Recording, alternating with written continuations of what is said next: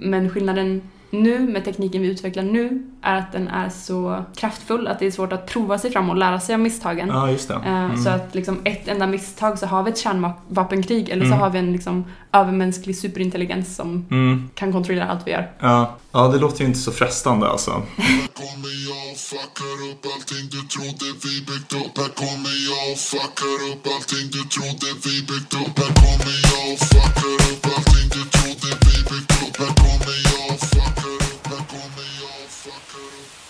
Hej och välkomna till podcasten eh, Om och Men. Där vi reder ut det ni tycker är krångligt och krånglar till det ni trodde var utrett. Jag heter Vincent Flink. Och jag heter Beatrice Erkers. Vad har hänt sen sist, Bea? Eh, det känns som att jag varje gång vi pratar har varit på någon ny resa och jag har varit på en ny resa. Men eh, det var i anknytning till min Barcelona-trip så var jag på Mallorca Ah, eh, en vecka. För min kollega har ett hus där så vi var där och jobbade. gud vad Mm, så det var väldigt nice även om jag, eh, vi åkte båt och jag blev åksjuk och spydde. Ja, Lite sådana grejer. mindre nice. Ja. Eh, nej, men asnice. Ja, Mm, fett. vad har du gjort sen senast?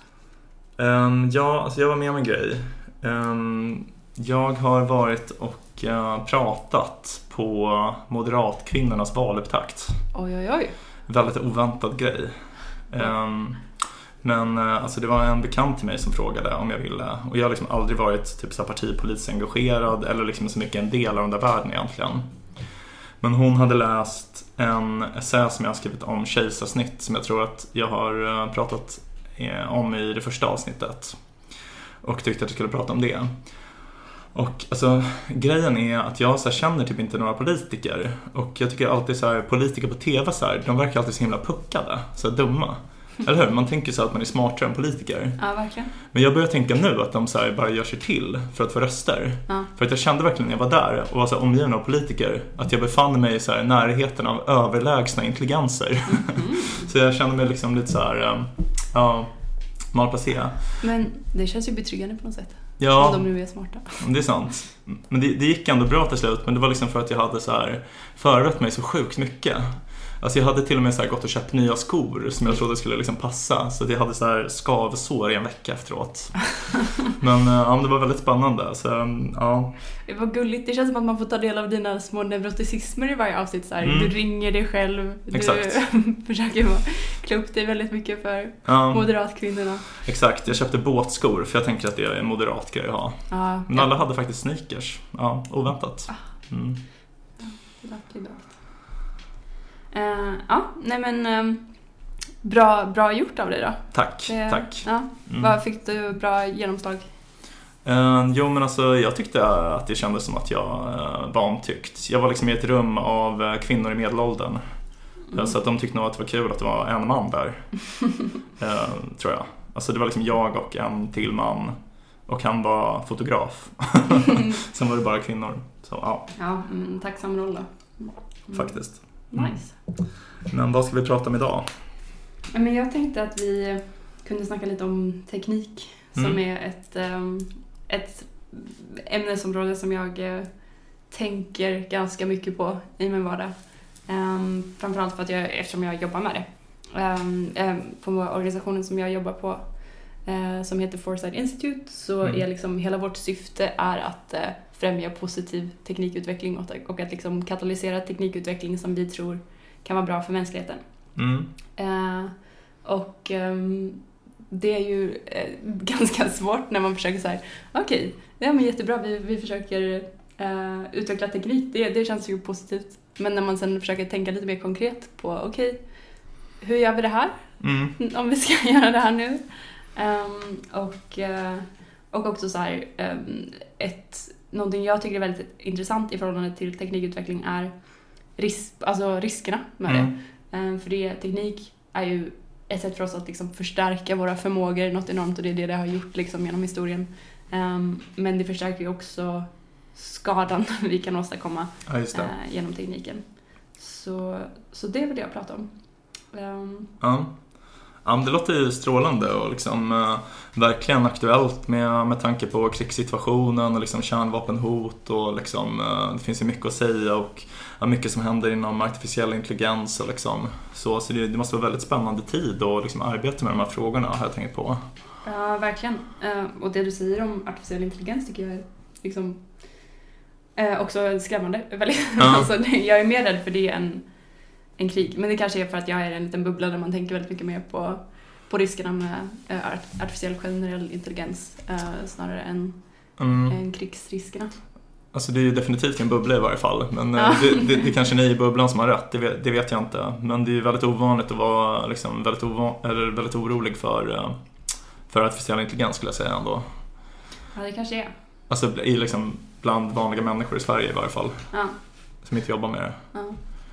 Men, eh, men vi hade tänkt eh, utgå lite från en text som jag har skrivit Mm. som tyvärr inte finns eh, publicerad online än. Men det kanske kan publiceras i samband med kanske skulle- avsnittet. Ja, kanske, kanske det. Ehm, jag skrev i alla fall den här texten ehm, när vi gick den här Sturakademin som vi har nämnt. Ehm, som är tankesmedjan Timbros eh, akademi för unga. som Ja. du uttryckte det, hur man blir en borgare, Ja. hur man blir den bästa borgaren. En väldigt bra utbildning eh, vill vi förtydliga. Att vi, att vi båda tycker och verkligen en formativ upplevelse. Ehm, Vi har lagt kanske lite raljant där i första avsnittet. Eh, Det var inte helt och hållet min avsikt. Men Nej, Mm. men verkligen eh, en, en kul möjlighet att vi fick åka till Washington och allt sånt och Mm. lära, lära oss jättemycket. Jag är ju, jag är ju kass på politik, alltså jag kan ingenting om politik. Mm. Ehm, så det var en otroligt lärorik upplevelse för mig. du har inga Jag kan- båtskor, försöker du säga. Jag har inga båtskor. Loser. Mm. Mm. Ja, Ehm, men den texten är verkligen bra. Så det var liksom lite din eh, examensuppsats ungefär. Ja men precis, Ja. precis. Vi, var ju, vi skrev liksom en examens, ehm, eh, ett examensarbete. Och det jag ehm, pratar om i den texten är liksom det här med att jag, menar att det uppstår dilemman i teknikutveckling som är just att så här, i takt med att vi utvecklar teknik så medföljer eh, risker med tekniken vi utvecklar. Mm. Och just det här med att det är, det är både att tekniken i, själv, i sig själv medför risker och sen så bara liksom implikationerna som den får på samhället och att man inte hinner um, lägga, s- alltså lagen hinner inte följa med, samhället hinner inte följa med. Just det. Um, men ett väldigt basic exempel på, på teknik som liksom alla förhåller sig till, till nu för tiden är ju typ sociala medier bara. Mm. Och att det är en sån grej som, som eh, många menar har gjort, eh, även om det har gjort väldigt mycket nytta, att man, så här, mm, man kan eh, ha zoomat en, eller det kanske inte räknas som en social Mm. media, men man kan ha kontakt med liksom, Mm. släkt och vänner över hela världen. Men också då att man menar att det eventuellt kan påverka ens mentala hälsa eller hur man förhåller sig till verkligheten överlag. Mm. Verkligen. Alltså jag tycker att det sociala medier är ju liksom en helt ovärderlig innovation. Alltså det har gjort, åtminstone i mitt liv, så oändligt mycket bättre. Um, så. Men, men det är klart att det kan ha dåliga effekter. Dels leder till så här psykisk ohälsa, enligt somliga då.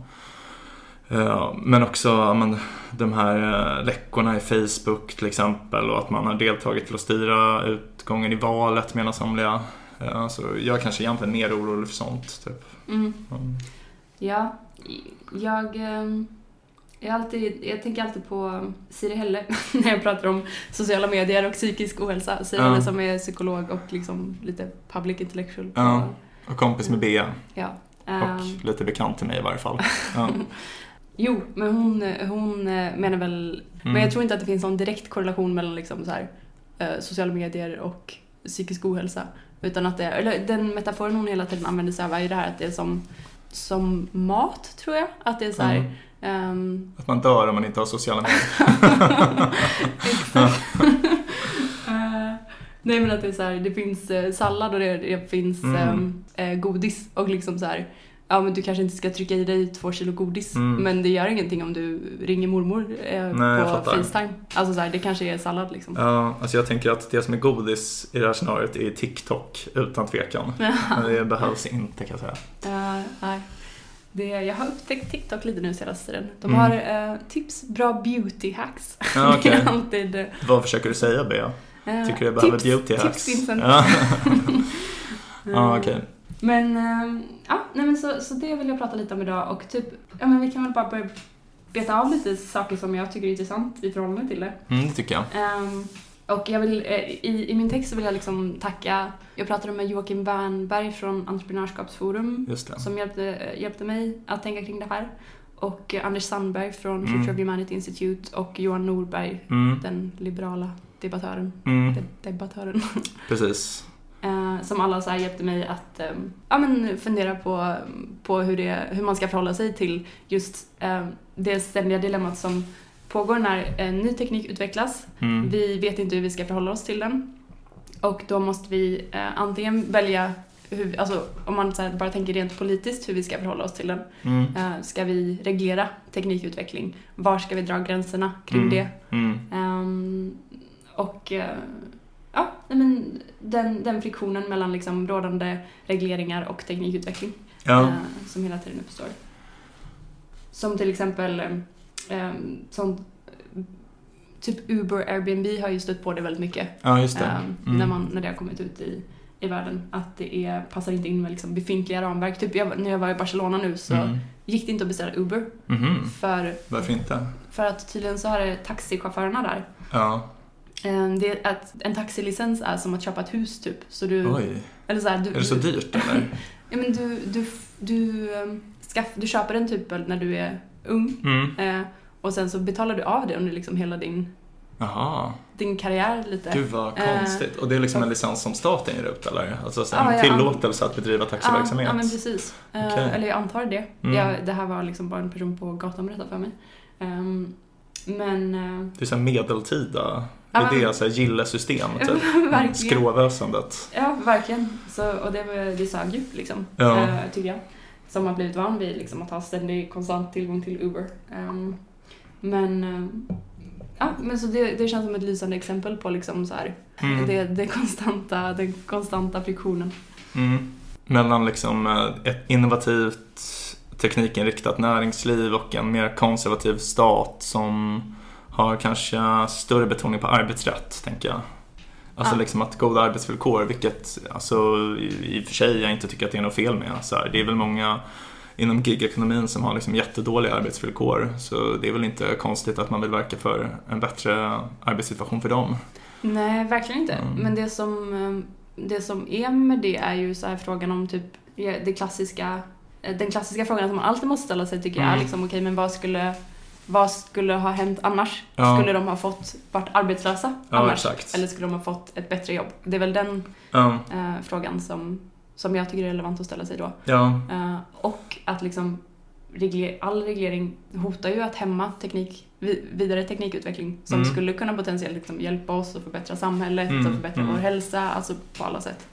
Men med det vill jag säga, säga att jag inte är för dåliga arbetsvillkor. men, men att jag ändå tycker att det är en fråga man måste ställa sig. Ja, så man kan liksom tolerera lite sämre arbetsvillkor i vissa fall om det leder till större sysselsättningsgrad eh, och liksom mer utveckling kanske. Ja, om det, det, det, jag vill, det jag vill säga framförallt är väl att så här, ehm, det är svårt att veta vad som är bäst i längden Mm, egentligen. Mm, Och om det skulle vara men det är som det klassiska ifrån Will McCaskills bok Do Mm. Good Better mm, där man pratar om liksom så här, eh, man såg på barn som Mm. arbetade i fabriker som tillverkade kläder mm, och eh, när det kom nya lagstiftningar som hindrade minderåriga från att jobba i fabriker så blev det inte att ah, de här barnen fick gå i skolan helt plötsligt och fick Ah. en fantastisk barndom nej. utan det var att de fick sämre villkor i en säm- sämre fabrik Ah, och fick ja, ja. liksom jag fattar. och jag tror att det, jag menar att det, jag tror att sånt händer i världen hela tiden. Ja. man så här, den goda viljan som jag verkligen Mm, gillar att den finns där. Eh, Men jag tror att den inte alltid, man måste också kolla vad konsekvenserna blir. mm, mm. Eh, Ja, det finns en, en ekonom som jag tycker jättemycket om som heter Brian Kaplan. Eh, Han, han brukar ta, under föreläsningar och debatter så där, eh, om arbetsrätt så brukar han ta exemplet med en lag som han har hittat på. Som heter The Brian Kaplan Protection Act. mhm. Och det här är då en fiktiv lag som han stiftar om sig själv. Eh, som säger så här att ja, men, eh, ja, eh, om Brian Kaplan blir anställd så måste han få en miljon dollar i månadslön. Alla måste, måste kalla honom Sir eller Your Grace och alla måste buga sig så fort han går förbi. Eh, och eh, det är liksom olagligt att anställa honom under några andra villkor. Och då tänker jag så här då att ja, men han har inget jobb nu, så, här, så vad tror folk kommer hända? Liksom, vad tror folk i publiken kommer hända om den här lagen träder i kraft?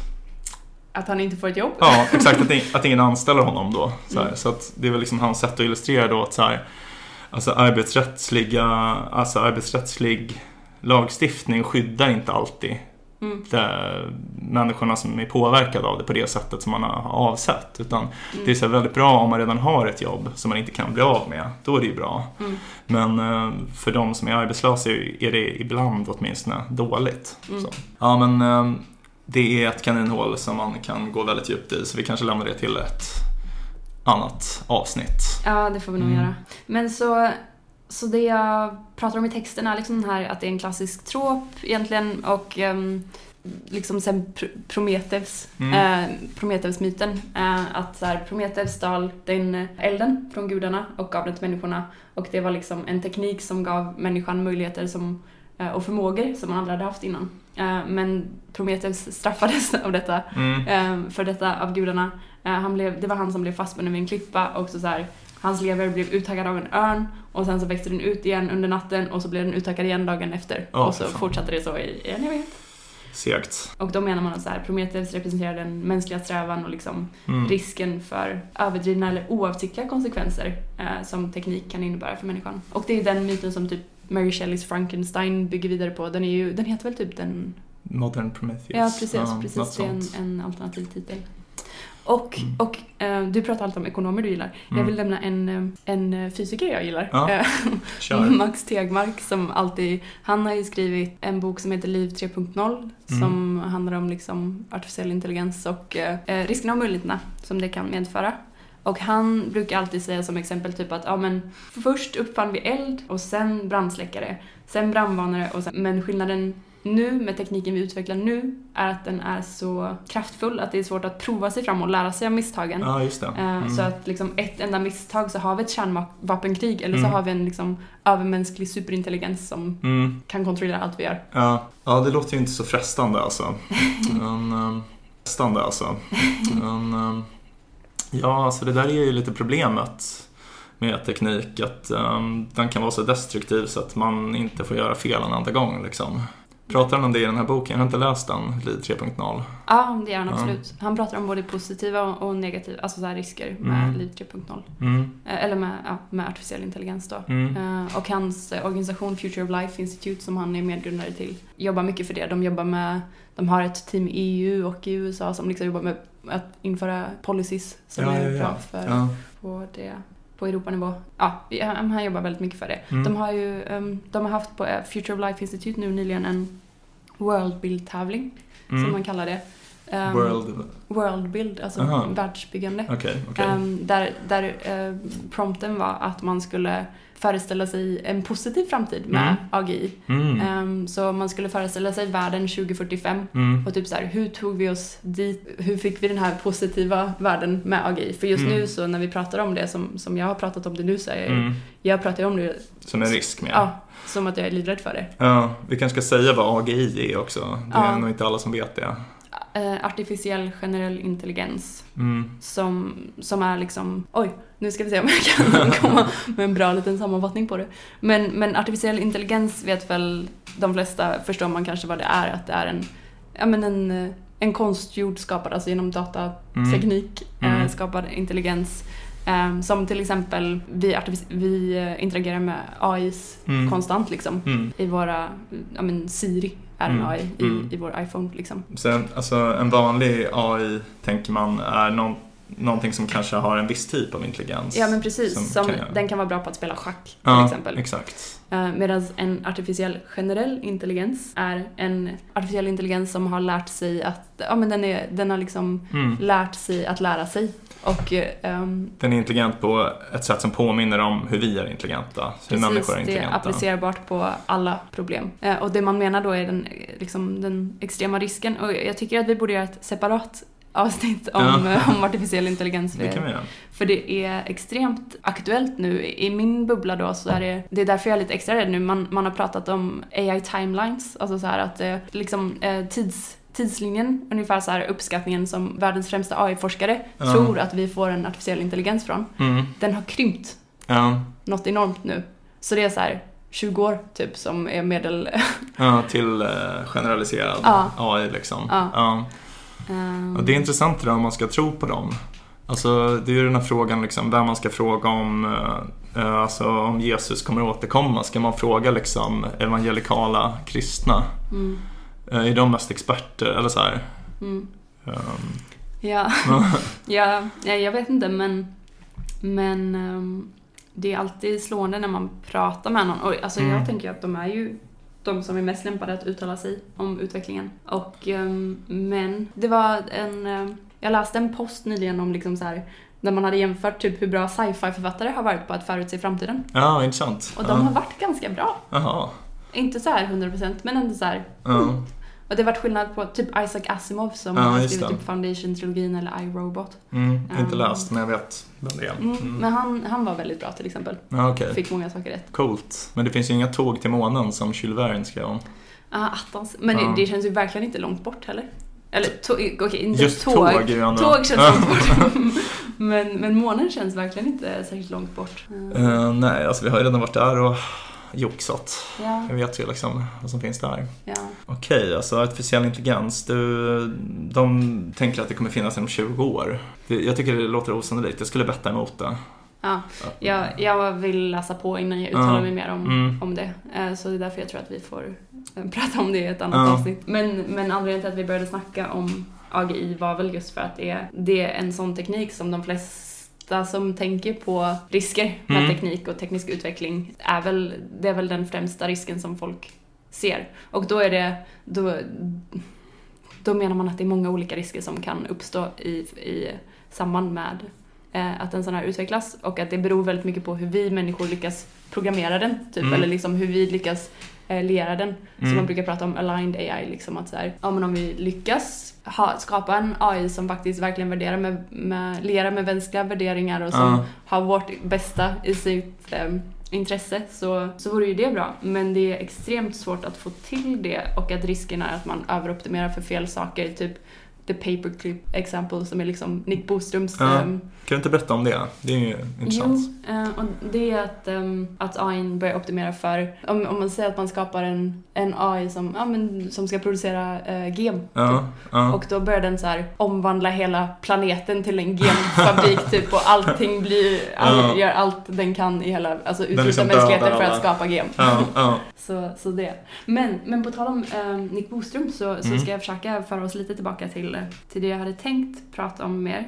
Som är, okej, så jag jobbar med, med att försöka eh, utveckla teknik. Mm. Eh, Inte, inte direkt då, utan just jag driver en organisation som jobbar med forskare som Mm. utvecklar teknik. Mm. Det är inte jag som sitter och forskar. Men då, som jag har berättat för dig, så, så känner jag mig kluven till Mm. teknikutveckling i att Mm. jag eh, tycker att det är läskigt och jag kan tycka att det är jag tycker att det är ett lite läskigt ansvar som jag har tagit på mig i det här att vi, Mm. eh, vi driver på den här utvecklingen. Och jag vill gärna att vi tänker igenom det vi gör innan Ja. vi utvecklar. Och då finns det ett koncept som Nick Boström har utvecklat. Mm. Som, alltså där, och Nick Boström ska vi kanske säga är en eh, filosof vid eh, Oxfords Future of Humanity Institute, Mm. som så många av filosoferna vi citerar. Eh, och jag brukar pitcha honom för folk som inte bryr sig om filosofi, brukar pitch- pitcha honom som typ Elon Musks favoritfilosof. Ja, okej. Det visste inte jag att han. Jo. Men jag kan tänka mig det. Ehm, ja, han älskar superintelligens. Ja, just det. Ehm, så superintelligens är en bok om AI. Han är svensk också kan man ju säga. Ja, Mm. men han sommarpratade för något år sedan Ja. och han kan ju typ inte prata svenska längre. Nej, han flyttade väl till London när han var liksom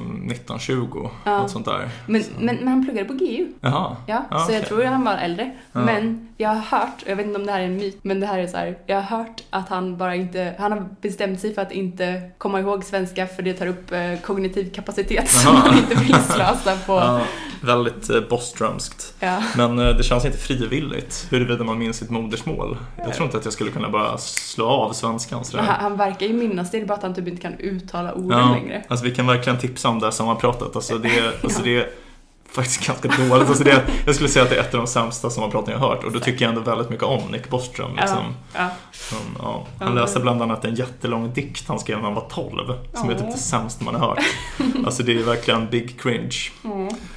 Men jag, jag, det fick jag väldigt mycket så här, jag kände väldigt mycket typ moderskänslor för honom när jag Ja, lyssnade på avsnittet. För den här skalliga 60-åriga mannen, eller 50 Mm. kanske. Men, ehm, jo men i alla fall, det började, anledningen till att jag sa nu går vi tillbaka till Nick Mm. Boström var för att ett koncept som han har utvecklat som är differentiell te- teknikutveckling, så Mm. differential technology development. Och det var han som liksom myntade det begreppet i superintelligens. Som typ, alltså så här 90% av alla intressanta koncept jag har hört om senaste åren är så här, ja ah, det var Nick Boström som kom Ja, på typ. han är ju lite av ett underbarn skulle jag säga inom liksom sin gren av filosofin. Alltså den här väldigt tech-tillvända vetenskapsfilosofin. Han Mm. verkligen Mm. väl citerad liksom. Så. Mm, ja, verkligen. Men, men det man brukar prata om med differentiell teknikutveckling är liksom att man ska försöka identifiera att man ska försöka identifiera vilka tekniker som har kapacitet att göra gott Mm, för oss och vara bra för mänskligheten mm, och vilka risker som det medför. Att man verkligen, verkligen tänker på det innan man utvecklar den mm, eh, tekniken. Och då finns det lite olika sätt man skulle kunna applicera det på. Jag pratade med en X-risk-forskare, X, X, existentiella, X-risk står för existentiella risker. Och Vad är det för något då? Existentiell risk? Eh, Det är en risk eller ett, ehm, Ett hot? ett hot som har kapacitet att liksom utrota Ja, vårt samhälle och i ja. princip, alltså större Förhindra- delen av mänskligheten. ja, exakt. Förhindra mänskligheten från att uppnå sin potential. Ja. Ja, Eller hur? Så till exempel, och då finns det ju, AGI ses ju som ett sånt risk att Mm. så här, det skulle kunna potentiellt utrota oss. Mm. En, en asteroid som slår Mm. mot jorden. Eh, Kärnvapenkrig, Kärnvapenkrig, ja. global uppvärmning. Ja, Ja. sådana grejer. Mm. Eh, mysiga grejer. Exakt. Va, jo, men så med differentiell teknikutveckling då så hoppas man kunna avstyra Mm. de här existentiella riskerna. För det är ju bara med teknik som vi skulle kunna rädda oss från liksom Mm. en, eh, en asteroid som Ja. kommer mot oss. Absolut. Eh, vi, har ju inte, vi är chanslösa utan den. Liksom. Verkligen. Ja. Ehm, men eh, som du sa, kärnvapen, det är ju en risk vi har skapat genom att vi skapade den tekniken. Mm. Mm. Men så till exempel, men, men kärnvapen, eller kärn, kärnkraft är ju ett superbra exempel på Mm. en teknik som är så här, det är svårt att bestämma sig vad man ska göra för, för det, har ju, det har ju gett oss kärnvapen, Mm. som Mm. är en eh, teknik som många nog skulle föredra att vi inte hade. Mm, verkligen. Men det har också gett oss kärnkraft, Mm. som är en fossilfri, ett fossilfritt sätt för oss att producera energi på. Ja, ja. Och ehm, det, det är ju liksom så vi skulle kunna ut, undvika att uh, dö av den globala uppvärmningen. ja, exakt. Ja, så det är en stor vinst kan man ju lugnt säga. Ja, ja men precis. Ja. Så om vi, om vi kan använda tekniken som kärn... Ja, ehm, tekniken kan, kan ge Mm. på, på rätt sätt och inte missbruka den då. ja. Så är det ju superpositivt. Ja, men alltså problemet är väl lite så här att um, själva forskningen som leder fram till att de här teknikerna blir möjlig, möjliga, alltså, de är ju så här ganska decentraliserade och liksom en liten grupp människor kan koordinera forskningen.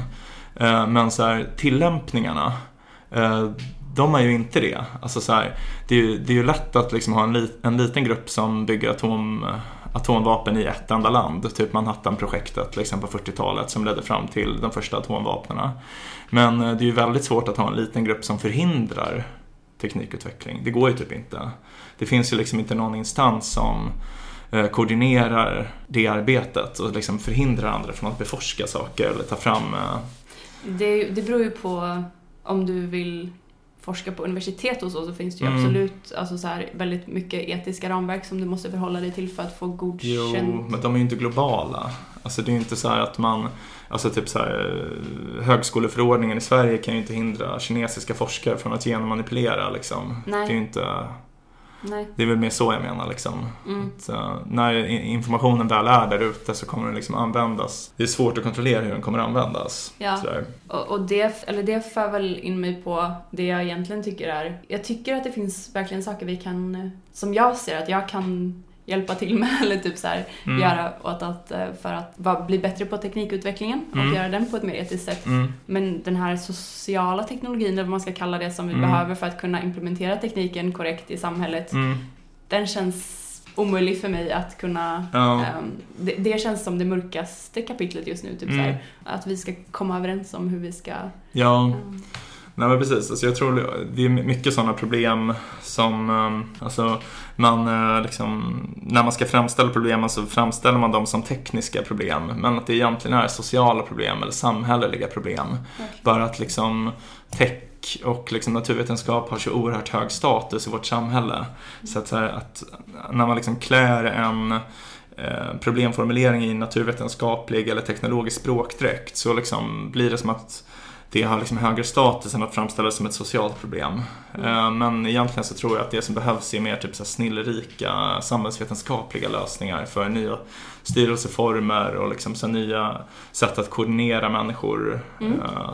Så. Eh, ja, men det, det känns som så här, det har ju hänt mig en miljon gånger när man så här, har ett problem, pratar med en programmerare och bara Mm. Ja men vi kan göra så här och så här typ bara. Ja, Och man bara mm, men det kommer inte, det, det, blir, det kommer inte funka som du säger att det funkar. Nej. Det kommer... nej, exakt. eh, ja. Alltså, men tänk, man tänker bara själv, alla som har arbetat liksom, på en större arbetsplats vet ju att det är så här, att det finns så massor av problem där liksom, den tekniska lösningen är så helt uppenbar. Mm, Typ så här, varför dubbeldokumenterar vi allting just här? mm, Så här, helt meningslöst, liksom flera timmar i veckan arbete till ingen som helst nytta. Men det finns liksom alltid någon social anledning att det är så här, jo men det är någon mellanchef som har mycket att vinna på den här dubbeldokumentationen för att när, när mellanchefen har kontakt med sina överordnade så kan hon hålla fram det här som liksom ett uppskattat moment eller så här. Alltså, det finns alltid någon så här social förklaring för att annars så skulle det här inte fortsätta. Gud vad frustrerande. Ja, men känner inte du, för du kanske inte haft riktigt ett sånt jobb? Nej jag har bara jobbat på väldigt små organisationer. Ja, det, det är nog lite mindre så där, även om jag kan tänka mig att det är lite så också. Ja. Jag har mest haft jobb på liksom stora arbetsplatser, sjukhus och sådär. Ja. ja men där kan jag tänka mig att det verkligen Mm. blir komplext. liksom, Ja, ja, men jag tror också det. Mm, ja. Nej men ehm, jag har fortfarande eh, inte riktigt, eh, känner jag, förklarat det här med differentiell teknikutveckling. Men det jag skulle vilja ha sagt bara kring det här, att liksom så här, ja men då, då finns det olika, jo, jag, jag började säga att jag hade pratat med en eh, ex-riskforskare som Mm. jag inte sa vad han hette. Han heter Jonas Sandqvist har jag för mig. Ehm, Okej, Och- är det en filosof eller? Nej, en ty- tysk snubbe. Uh, tysk som är på Future of Humanity Institute. Okej. Eh, ganska ung. Eh, Ja. Han var väldigt trevlig.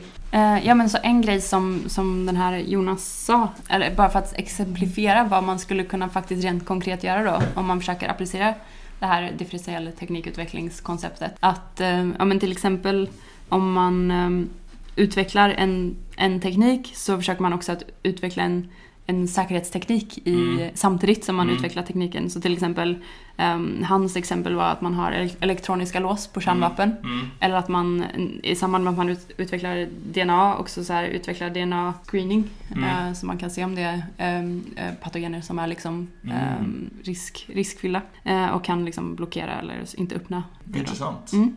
Och, alltså, och att man bara också kan välja att försöka jämföra alternativ. Så till exempel att välja att fokusera på att utveckla teknik som ses som, som inte för med sig samma risker som är mer lågriskalternativ. Typ att man så här väljer att fokusera på att utveckla eh, rena energier istället för fossil, Mm. eh, fossil teknik. Ja, men alltså det, det låter bra och också som en så här sund syn på teknikutveckling. Alltså jag tycker många när de pratar om det ser det lite som så här att ja, nej, men det är utom vår kontroll helt och hållet och liksom, det som kommer ske kommer ske, det finns inget vi kan göra. Men jag menar, det är också en så ganska överdriven syn. Jag menar, det är ändå människor som driver teknikutvecklingen och jag menar, vi kan ju samarbeta och liksom komma överens om ändå vad vi tycker är eftersträvansvärt. Ja, till, Faktiskt. till viss del kanske. Ja, alltså åtminstone i någon utsträckning. Ja. Ja men, ja men absolut. Alltså, i, I Sverige tycker jag ändå vi har gjort det ganska bra. Eller Mm. så här, om man Mm. ser till vad vi är överens om så är det ändå ganska mycket. Mm. Ja, men intressant. Vad heter det? Differentiell teknikutveckling alltså. Mm, mm. Ja, spännande. Men ja, så det, det är lite ett exempel på hur man, eh, hur man kan tänka kring det. Ja. Jag också så här när jag, när jag pratade, när jag skrev min uppsats så pratade jag med Joakim Wernberg som jag Mm. nämnde. Och han nämnde mycket det här med att man måste bli bättre på att experimentera. Mm. typ. Mm. Eh, och att så här, när vi utvecklar teknik måste vi liksom göra lärandecykeln kortare. Mm. Så lite det här som Max Tegmark sa när han sa att vi uppfann elden och sen brandsläckaren. Ja, det. Eh, så det ska gå snabbare mellan Ja. att vi uppfinner elden och att vi uppfinner ja. brandsläckaren. Eh, Så att han pratar om en teknikhistoriker som heter Nathan Rosenberg som, man, det är ett klassiskt koncept att man ska göra learning by doing typ. ja, Mm. Men han menar att vi måste övergå till learning by using och det är att vi ska liksom i samband med att vi utvecklar teknikerna ska vi sätta ut dem i verkligheten för att se liksom vilka effekter som tekniken får och liksom, ja, eftersom det är så svårt att förutse vilka, teknik, liksom, vilka effekter som teknikutvecklingen, tekniken kommer att ge. Mm. Som till exempel, återigen, sociala medier. Det var kanske inte så många som kunde förutse att det skulle leda till så pass mycket problematik som det um, anses ha gjort. Men jag tycker ändå att det, just i det fallet, att det verkligen är övervägande positiva effekter ändå. Alltså på ett ganska tydligt sätt skulle jag säga. Ja, nej men jag, jag förhåller mig också väldigt positivt till det, skulle jag säga. Ja, ja men intressant. Alltså jag, jag har faktiskt läst på lite om det här. Jag har skrivit en text om kärnvapen nyligen. Ah. eh, För Sveriges Radio som jag, jag skriver för ett program på, i P1. Ehm, och då har jag skrivit om, ehm, ja, men om, lite om Manhattanprojektet och liksom hur man byggde det första atomvapnet på, på 40-talet. Då. Ehm, och eh, då lärde jag mig att alltså, i det, här det första vapnet som eh, döptes till Little Boy så var uraninnehållet, alltså uran är liksom den, den aktiva substansen eller vad man ska kalla det i, i bomben, det vägde knappt 60 kilo. Så det var liksom så här väldigt liten mängd. Men själva vapnet vägde omkring 4,5 ton. Oj! Så att det var mest liksom säkerhetsanordningar. Att det, var liksom, eh, det var så oerhört tungt och otympligt för att man var liksom livrädd att det skulle självdetonera. Ja. Ja, och det här ledde till liksom att generalerna länge tvekade på om Oppenheimer som ledde projektet bara var liksom en snurrig vetenskapsman som så saknade kontakt med krigets realiteter och liksom eh, har vi slösat bort vår budget på en galning så här, det är bara ett värdelöst metallstycke. Eh, så att man tänkte ändå redan då på sådana säkerhetsanordningar eh, och det var först vid testsprängningen då i Trinity-sprängningen kallades det som man, ja, man fattade vad det var man hade gjort liksom. Mm. Ganska obehagligt. Ja, verkligen. Mm. Det, ja. Kärnvapen. Det, Ja. det är tungt. Ja, det är läbbigt. Det är verkligen läbbigt. Och också att de, det landet som har störst kärnvapenarsenal är liksom i krig med väst nu. Mys. Ja, Mysigt. exakt. Ja, inte. Mm. Nej, så det är verkligen läskiga grejer. Mm.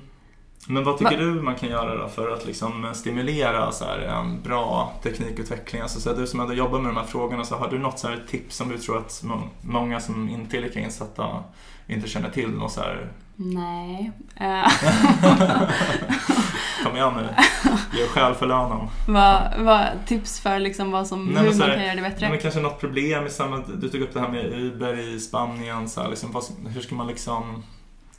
Ja, för att gynna teknikutveckling. Det är ju lite det den här uh, uppsatsen du har skrivit Ja, om. ja.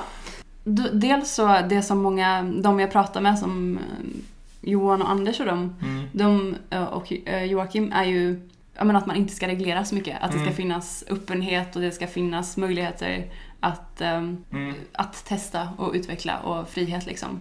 Eh, och att regleringen ska komma på ett ganska sent plan. Ja. Eh, att, man inte, att man låter det vara liksom en bottom-up Mm. process och inte en top-down process med Mm. teknikutveckling. Mm. Så, men att det är typ Anders sa, ja men om det eh, teknikutveckling kan vara bra om det eh, Härmar du Anders han, han har så gullig eh, dialekt när han pratar engelska men jag kan inte... Mm.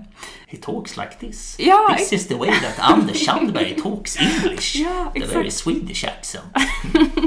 Det var exakt så ju. Och ja, men Mm. precis. Men att det är så här, typ, ah, om det om, om du vill kan du få säga det här med Anders Sandbergs röst då. Men att det är när det gäller biosfärens Mm. överlevnad, då kanske det är rimligt att börja tänka på reglering.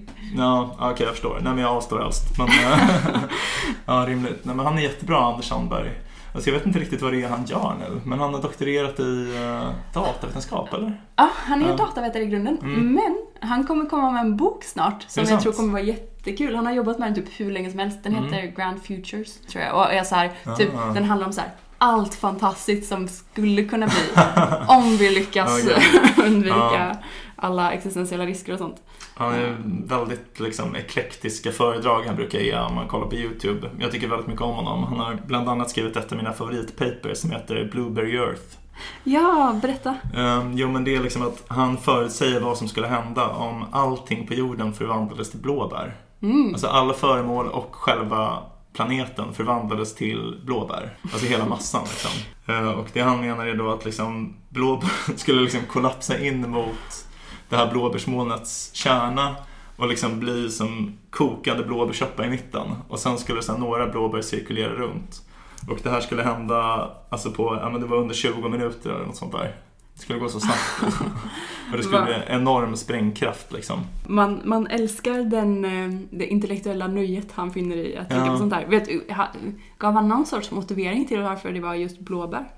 Eh, nej, det tror jag inte. Jag tror bara det var någon idé han hade eh, pratat med sin man typ. Mm. Och liksom, ja.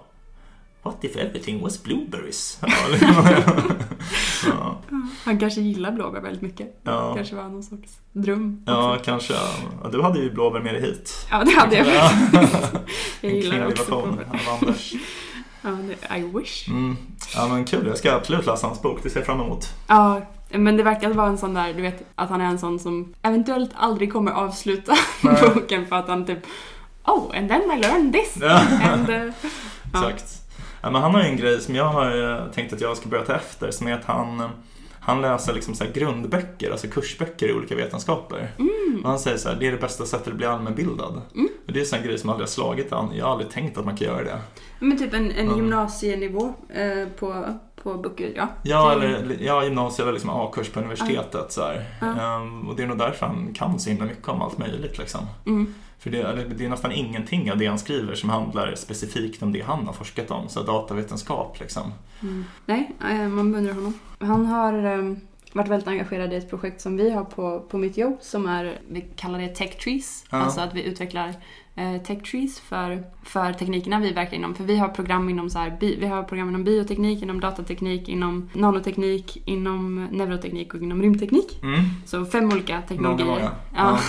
Ja. Och, ehm, och då så, eftersom vår, vår organisations jobb är att verkligen så konkret tänka på hur kan vi driva på positiv utveckling inom de här områdena. Mm. Och vi har ju valt de här teknikerna, teknologierna för att vi verkligen tror att det, de här teknologierna kan revolutionera och göra väldigt mycket gott för Ja, vårt, mycket vårt potential samhälle. liksom. Ja men exakt. Ja, ja. Typ bioteknik kan ju hjälpa oss att leva längre och hälsosammare som Mm. vi pratade om i, i något avsnitt. Neuroteknik kan göra oss till att vi kan få. Ja. ja, att vi kan så få brain computer interfaces. Men Wow. det, det kanske inte alla ser som Coola. en positiv framtid. Mm. Uh, rymdteknik kan hjälpa oss att så här, ja, men, förstå universum bättre Mm. och eh, i den mån jorden kanske försvinner eh, eventuellt ha någon annanstans att ta vägen Mm. eller också att det kan ja, hjälpa oss att lära oss mer om jorden också. Jag tänker Mm. med alla satelliter som man skickar ut nu. Absolut. Jag lärde mig förresten en kul grej om satelliter Ja, häromdagen. låt höra. Ja, det var en, ehm, jag pratade med en astrofysiker Mm. som berättade, för vi satt och såg på stjärnorna typ. Som man gör med astrofysiker. Det var faktiskt väldigt kul att se på stjärnor med en, en astrofysiker för han berättade, han har ett satellitföretag Mm. och ehm, så, så, han ser ju satelliter överallt. Jag har inte tänkt på det när jag ser på, på Ah, stjärnorna. Man nej. bara, ah, där är en satellit, där är en satellit. Det, de rör sig lite för snabbt för att vara stjärnor eller? Ja, och jag har Ja. nog inte så här, jag har nog tänkt att om jag ser någonting att så här, men det är ett flygplan kanske eller sånt. Men Mm. nu, nu lärde jag mig väldigt tydligt att det är skillnad på en satellit och Ah, ja. flygplan. Och då märker man hur många satelliter det är. Och han berättade att um, enligt de så här beräkningarna som de har med hur mycket satelliter som utvecklas nu och hur många som skickar ut satelliter Mm. så kommer det inom typ 10 år att vara var tionde grej, eller 14% av det du ser när du ser upp på natthimlen kommer vara satelliter. Åh nej, vad deppigt på något sätt. Jag fattar vad sjukt. Ja. Och det är också en annan sak han berättade var att så här, det är ju, alla länder skickar upp hur mycket satelliter som helst nu. Typ. Mm. En grej som man gör tydligen, Mm. typ eh, Ryssland och Kina och Mm. USA också tror jag, är att så här, spränga upp sina egna satelliter.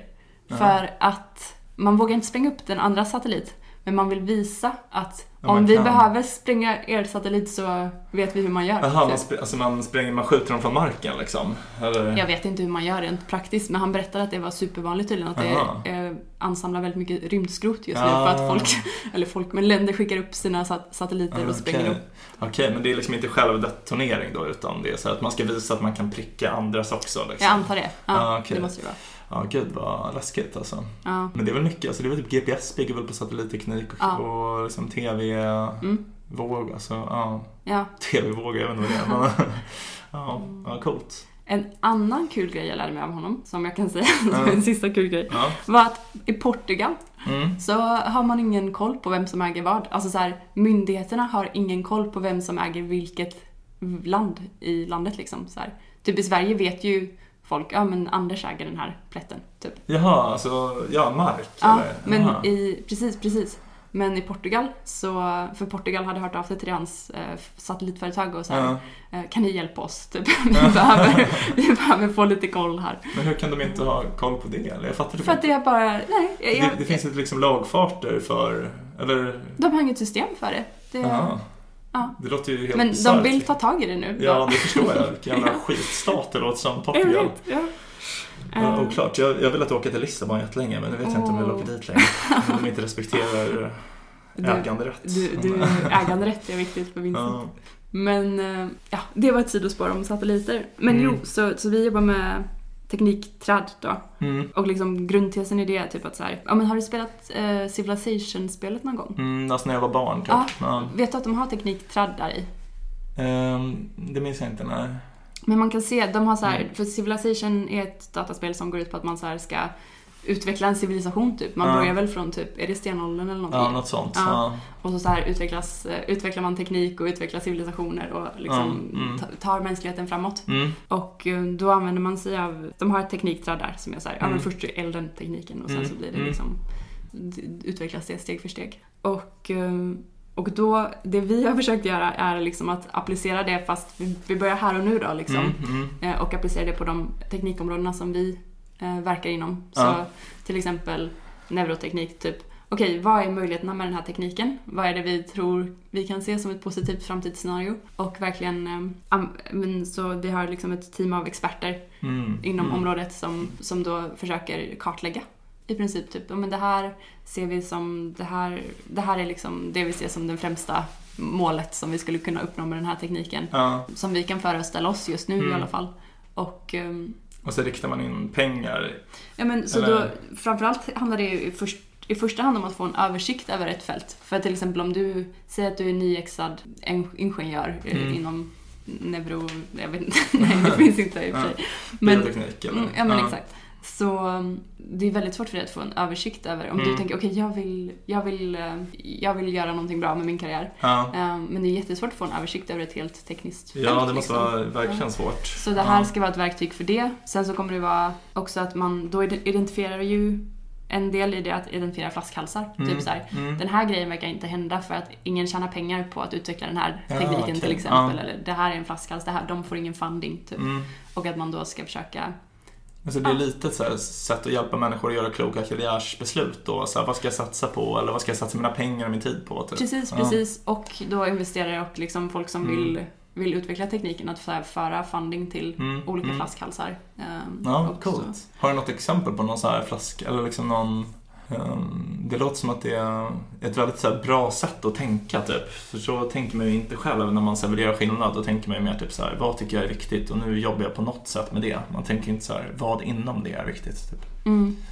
Jag, har, jag har dålig koll, jag har inte Mm. närkollat för det, vi började med det här projektet i år. Ehm, Ja, Så okej. jag har inte så bra koll på vad man har identifierat än. Men också att, att ehm, eh, slutprodukten som eh, kom, kommer liksom att publiceras och finnas tillgänglig online och vara som en Wikipedia. Så Ah. att liksom så här, jag kan gå in och föreslå förändringar. Typ. Mm, Nej mm. men jag tycker det här eh, och så. Så att det ska vara liksom en, Mm. em, ett, ett levande träd om man Ja, säger så. Jag fattar. Ehm, Där alla med liksom insikt i den branschen kan bidra. Precis. Så att liksom man bildar sin egen självförståelse tillsammans typ, av det fältet som alla ingår i. Typ. Precis. Ja, Ehm, det låter assmart ju.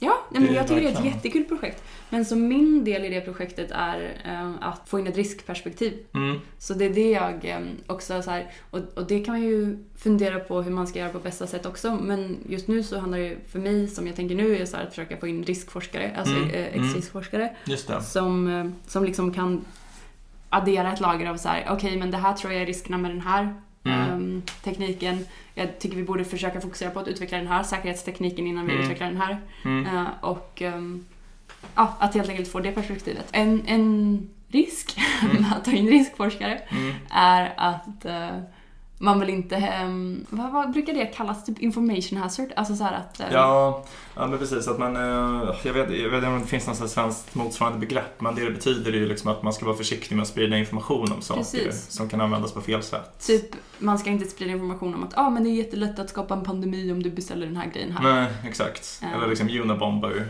Ja, Ja, precis.